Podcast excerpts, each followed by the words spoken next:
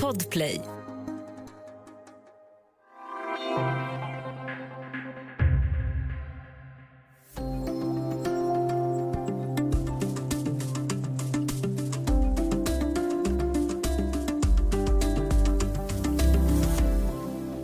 Nu har det tagit stopp för regeringen. Igen. Eva Stenberg, Dagens Nyheters politiska kommentator. Vad är det som har hänt? Ja, regeringen hade ju inte stöd för sin vårbudget och det såg ut i morse som att de hade skaffat sig det. För då la de ett kompromissförslag med Centerpartiet som gick ut och sa vi stödjer. Och sen gick det ytterligare någon timme så visade det sig att det här förslaget sänktes av högeroppositionen som har en falsk majoritet kallas det i finansutskottet. Och nu är det väldigt oklart vad riksdagen egentligen kommer att rösta om redan nu på onsdag. Så att vi vet inte hur mycket pengar svenska pensionärer kommer att få till exempel eller vilken budget som kommer att vinna. Ja, det här är Studio DN med mig, Ylke Holago. Och det är måndag eftermiddag när vi spelar in det här avsnittet. Och vi ska reda ut en del av turerna i svensk eh, politik just nu. Efter förra veckans uppmärksammande misstroendeomröstning om justitie och inrikesminister Morgan Johansson så är det alltså dags för vårändringsbudget. Eva, vad är det som står på spel den här veckan? Ja, det är ju svenska passioner bland annat som ligger i potten i den här nya och rätt kaosartade veckan som det ser ut.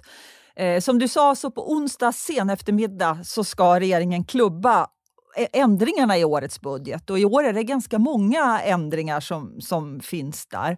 Men vi vet inte om det kommer att bli Moderaternas, Sverigedemokraternas, Liberalernas och Kristdemokraternas förslag som går igenom eller om det, regeringen har lyckats trumma ihop stöd för sin. Det är också så att det finns två politiska vildar inblandade här som möjligen skulle kunna avgöra saken. Och som det ser ut just nu så har ju det då regeringens och Centerns förslag stoppats av oppositionen i finansutskottet och du nämnde falsk majoritet. Vad är det? Ja, det är ju en väldigt jämn mandatfördelning i riksdagen. 174 mandat har ju högeroppositionen, det behövs 175 för majoritet. Och det här att det är så jämna, jämn majoritet. Det går ju inte då när det är 15 ledamöter i varje utskott att återskapa den här jättetajta majoriteten på bara 15 ledamöter istället för 349. Så därför finns det några utskott där högeroppositionen har majoritet och inte regeringen och regeringsunderlaget. Och finansutskottet som bereder budgeten är ett sådant utskott. Och det gör att utskottet kan då om de röstar om saken, komma fram till att regeringen inte får lägga fram det här förslaget på formella grunder. Eh, och stödja sig då på den här högeroppositionens majoritet som finns. Men det är inte samma majoritet som finns inne i riksdagens kammare där besluten verkligen fattas i skarpt läge. Där finns det andra majoritetsförhållanden. Så det nu regeringssidan försöker göra intensivt det är att få fram ett förslag i kammaren på ett annat sätt så att alla får rösta. För då är sannolikheten mycket större att regeringen kan få igenom det här kompromissförslaget som också Centerpartiet stödjer. Och Vad är det för eh, formellt stöd man eh, har tagit bakom sig i finansutskottet för att eh, försöka förhindra det här förslaget? Ja, man, har, man har hänvisat till formella skäl och sagt bland annat att man inte får gå utöver ärendets ram. Man får inte lägga till en massa nya saker som man inte har presenterat tidigare när man lägger fram de här förslagen. Det är ju ett väldigt sent förslag Egentligen så skulle ju det här förslaget redan vara framlagt förra veckan men då begärde Centern längre tid. Och nu är det ju bara två dagar kvar till beslut. Så att det är rekordsent. Så här brukar det inte gå till att besluta svenska budgetar. Men man, utskott brukar inte heller eh, stoppa förslag på det här sättet, eller hur? Nej, det kan jag inte minnas att jag någonsin har varit med om faktiskt att man har gjort på formella grunder. Så det är ju ett spel det märks ju att det är valår och man vill flexa muskler inför väljarna och högeroppositionen vill visa att de har vassa tänder och att de är beredda att använda dem. Och regeringen vill ju försöka visa att de är på väg att få ihop det som Magdalena Andersson inte har haft, nämligen ett lag. Här skymtar ju faktiskt fram ett lag för Magdalena Andersson till nästa mandatperiod nu när hon har fått med Centern på samma förslag som Vänsterpartiet och Miljöpartiet stödjer. Och vilka är de största skillnaderna mellan regeringens och oppositionens, alltså Moderaterna, Sverigedemokraterna, Kristdemokraterna och Liberalernas pensionsförslag som ju mycket av det här kretsar kring? Ja, nu är det ju så krångligt att det plötsligt finns tre förslag då, för regeringen hade ju ett förslag som de sen kompromissade om. Eh, så att plötsligt har ju de här förslagen ändrat sig lite. Men om man ska förenkla det här väldigt mycket så det här kompromissförslaget det innebär att garantipensionen höjs med 1000 kronor som pensionärerna får betala skatt på. Och Det ska de då få från 1 augusti. Och Sen ska de få ett bostadstillägg också som är lite lägre. Eh, oppositionen de vill istället ge en lägre höjning av garantipensionen. De vill ge lite mer i bostadstillägg och sen vill de sänka skatten. Och de gör det här lite senare för pensionärerna. Då. Det gamla förslaget hade man hittat på ett nytt tillägg på 1000 kronor som inte skulle beskattas utan det var 1000 kronor till de som hade lägst pensioner. Så det är en skillnad. Det är också så att högeroppositionen de vill ge pengar till flera eh, pensionärer än vad regeringens första förslag ville. Men eh, de, de eh, vill inte ge lika mycket till de som hade allra lägst pension. Och Centerpartiet gick ju som sagt eh, innan den här senaste turen eh, under förmiddagen ut med att de skulle stödja regeringens budget. Eh, vad händer nu? Ja, nu deras förstahandsalternativ är ju på något sätt försöka få det här till beslut på onsdag i alla fall. Att lägga ett förslag på något sätt i kammaren och hoppas att talmannen inte ingriper och säger hallå, hallå, så här kan ni inte göra. Så det, om det lyckas så att säga för regeringspartierna, Centern, Vänstern och Miljöpartiet, då kommer de att göra så. Men annars hamnar ju Centern i ett nytt svårt kval här. Ska de då strunta i att stödja regeringens budget och bara rösta på sitt eget förslag och låta det falla som de gjorde före jul då? Då följer regeringens budget för Centern satt på sina händer och tryckte inte på knappen för att hjälpa den. Eh, om de gör det nu så kommer budgeten att falla. Magdalena Andersson har sagt att hon kan leva med det redan. Eh, men eh, det är väl inte vad en regering brukar Men vad menar hon med vilja. det? Leva med ja, det? hon kommer inte att avgå. Det kommer inte att bli någon regeringskris om den här budgeten skulle falla. Men, men Centern kommer ju att prövas igen då. Kommer de att låta budgeten falla då eller kommer de att säga att nej, vi ställer upp i alla fall för det här var så ondsint gjort tyckte vi av högeroppositionen så nu går vi in och räddar regeringen. Det är oklart. Det mesta talar väl ändå för att de kommer att låta budgeten falla då om inte det här kompromissförslaget kan gå igenom. Centerns Martin Ådahl har sagt till DN här idag att eh, oppositionens agerande är att ha tagit spelet i riksdagen till en extraordinär nivå. Vad säger du om det? Jo, men det får man väl säga. Det är ju extraordinärt att man hindrar majoriteten i kammaren så att säga troligen att lägga fram ett förslag. Men det är ju också extraordinärt det här att man gör upp om det så sent före beslut och att det är så rörigt in i det sista. Det är ju snart sommaruppehåll i riksdagen, sen är det valspurt och sen är det ju val i september. Vad får allt det här för konsekvenser? Ja, det höjer ju temperaturen och konfliktnivån. Pensionerna kommer ju att bli en valfråga men alla pensionärer vet ju att det kommer att bli någon höjning. i. Sen är frågan hur mycket och för hur stora grupper. Och det ligger också en skattehöjning i det här kompromissförslaget, ska man kanske lägga till, det sa inte jag, eh, som skulle komma nästa år i sådana fall, då, som, som nu både oppositionen och regeringssidan vill ha. Så att pensionärerna kan ju troligen gnugga händerna lite grann i alla fall, trots att det här lär bli en fortsatt strid och en fortsatt valfråga. Vi ska ta en kort paus och sen prata om Amineh Kakabavehs nya maktposition i det turbulenta politiska läget.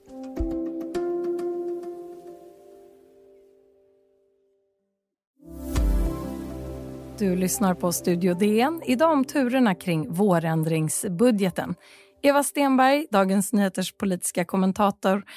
Vi ska prata om politiska vildar nu. Det är ju ett begrepp som den senaste veckan har kritiserats och många verkar vilja gå över till att kalla politiska vildar för partipolitiskt obundna. Vad menas med en partipolitiskt obunden? Det är en riksdagsledamot som blir invald för ett parti. Vi har ju partival i Sverige så man kan inte bli invald utan ett parti. Utan de har blivit invalda för ett parti och sen har de hoppat av eller blivit uteslutna. Och det finns två sådana ledamöter nu i riksdagen, vilket är betydligt färre faktiskt än förra mandatperioden. Då var de fler, men nu är de mäktigare. Och de två som finns idag det är Amina Kakabaveh som har blivit utesluten ur Vänsterpartiet och Roger Richthoff som har blivit utesluten ur Sverigedemokraterna. Och båda de har eh, ställt krav och kommit med löften och sådär eh, inför just den här budgetomröstningen. Ja, vilket inflytande har de den här gången? Jo, eh, om det är jämnt, om det är så att högeroppositionen, de fyra partierna Moderaterna, Sverigedemokraterna, Kristdemokraterna och Liberalerna står på ena sidan och sen står Magdalena Anderssons regeringsunderlag som ju också in, räknar in då Vänsterpartiet, Centerpartiet och Miljöpartiet på andra. Då är det 174-174. Så då finns det en ledamot som kan fälla det här avgörandet. Eh, och hittills har vi ju sett när det har varit statsministeromröstningar att det har varit Amineh Kakabaveh, tidigare vänsterpartisten, som har fått igenom ganska mycket. Två långa listor har de kunnat hålla upp då, där den ena handlade ganska mycket om inrikespolitik och den andra handlade en hel del om Sveriges stöd till eh, kurdiska organisationer i nordöstra Syrien. Eh, och nu har hon hintat för att hon eventuellt kan ha krav här också, även om de kraven har varierat lite. Samtidigt har då Roger Richthoff, den andra politiskt oberoende kandidaten, då, sagt att han kanske kan tänka sig att stödja regeringens budget här, för han vill ge mycket till pensionärerna. Och gör han det, då spelar det ingen roll vad Amineh Kakabaveh säger. Så att, ja, man kan väl säga att rörigt är ett milt uttryck för vad som nu syns i riksdagen. Berätta mer om eh, Amineh Kakabavehs krav kring just sin överenskommelse med eh, regeringen. Hur har, det, hur har frågan om kurderna spelat in den här gången när det gäller just eh, vårändringsbudgeten? Jo, hon sa för sex dagar sedan så sa hon i Expressen att eh, det finns över 130 kurder i Sverige som får sina liv begränsade på grund av att Säkerhetspolisen övervakar dem eh, för deras samröre med YPG och P YPJ. De här två organisationerna är ju de som Turkiets president Recep Erdogan har kritiserat Sverige så mycket för att vi accepterar de här organisationerna. och Så då. Så hon har sagt att här, den här övervakningen från Säkerhetspolisen den måste upphöra. Och sen har hon dessutom sagt att Sverige måste hålla fast vid att inte exportera några vapen till Turkiet. Men idag så när det är ett nytt läge så har hon inte ställt några sådana krav. Utan när min kollega Hans Olsson talade med henne i riksdagen så lät det som att hon i princip skulle stödja budgeten. Hon har ändrat sina besked förut, så man får nog sammanfatta det som att vi inte riktigt vet. Men det verkar som att hon lutar åt att inte ställa några sådana här krav idag i alla fall. Så får vi se hur läget är på onsdag. Och du som har spenderat mycket tid under många år i riksdagshuset. Berätta om hur arbetstillvaron ser ut för de här partipolitiskt obundna. Vad ser du i fiket och i korridorerna? Ja, i fiket ser jag väldigt ofta just Amineh Kakabaveh. Hon sitter ofta där och hon pratar ofta med andra ledamöter, besökare, journalister. Hon var väldigt flitig i att ge intervjuer eh, förra veckan. då inför den här misstroendeomröstningen. Hon sa själv att hon hade gett över hundra intervjuer och, och ett antal av dem var precis i riksdagscaféet eller utanför då, i salen utanför. precis.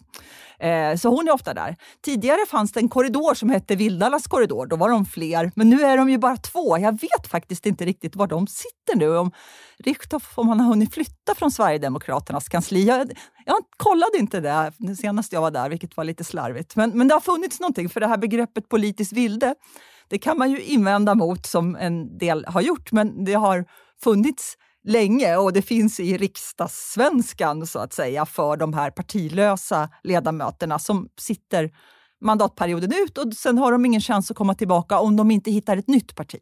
Då kan de komma tillbaka. Men de kan ju inte bli invalda som enskilda personer igen. Vad tycker du själv om debatten kring begreppen här, politisk vilde?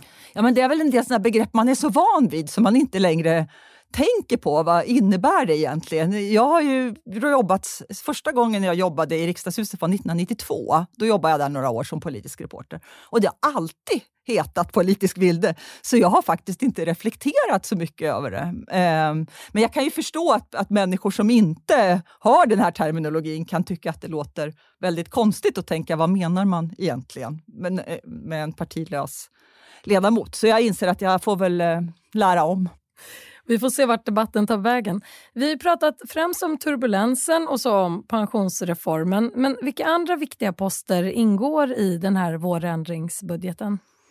Ja, det ingår ju bland annat pengar till försvaret. Och Det kommer att ingå alldeles oavsett vilket budgetförslag som vinner, för det vill även högeroppositionen ha.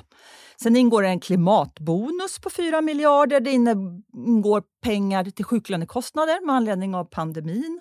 Det innebär, eller innehåller också ett krisstöd till bönderna som Centerpartiet har förhandlat in redan tidigare. Och eh, Den största posten är stöd till Ukraina-flyktingarna, 10 miljarder. Okej, så givet det parlamentariska läget vi ju har, eh, hur tror du att det kommer gå i omröstningen på onsdag? Ja, det är väldigt svårt att spå nu måste man säga.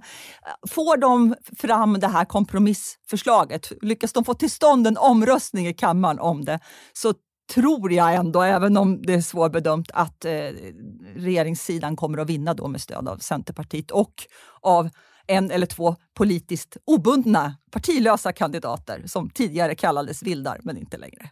Och vad behöver de göra för att få in sitt förslag till omröstning? Jag vet inte exakt hur formalian ser ut. De kommer väl att ställa det som ett förslag och sen hoppas de på att talmannen inte stoppar det och säger att det här är inte förenligt med riksdagsordningen eller våra vanliga beslutsgångar. eller sådär. Det kan bli en diskussion i konstitutionsutskottet om huruvida man kan lägga ett sådant förslag eller inte. Jag minns att det var en sån diskussion när Magdalena Andersson försökte, eller lyckades också stoppa en skattesänkning som Reinfeldt-regeringen försökte göra. Eh, och då så sa eh, Reinfeldt-regeringen att det här strider mot budgetordningen och mot allt sans och förnuft och ansvar. Eh, och då fick konstitutionsutskottet ta en diskussion. Men det slutade faktiskt med att man ryckte loss den här skattehöjningen ur budgeten. Och det har då Magdalena Andersson ganska många gånger blivit påmind om. så att säga. Att hon, då sa hon nämligen att det inte är oppositionens ansvar att se till att budgetar går igenom riksdagen. Och det är ju precis det som de står och säger till henne nu när de har stoppat det här kompromissen med Centern om pensionerna. Ja, det verkar bli en lång, het politiksommar fram till valet här. Tack så mycket Eva Stenberg, politisk kommentator här på Dagens Nyheter. Om du vill kontakta oss så går det bra att mejla till studiodn Och kom ihåg att prenumerera på Studio DN där du lyssnar på poddar så missar du inga avsnitt. Studio DN görs för Podplay av producent Augustin Erba. Ljudtekniker Patrik Miesenberger, teknik Jonas Lindskov på Bauer Media och jag heter Ylke Holago.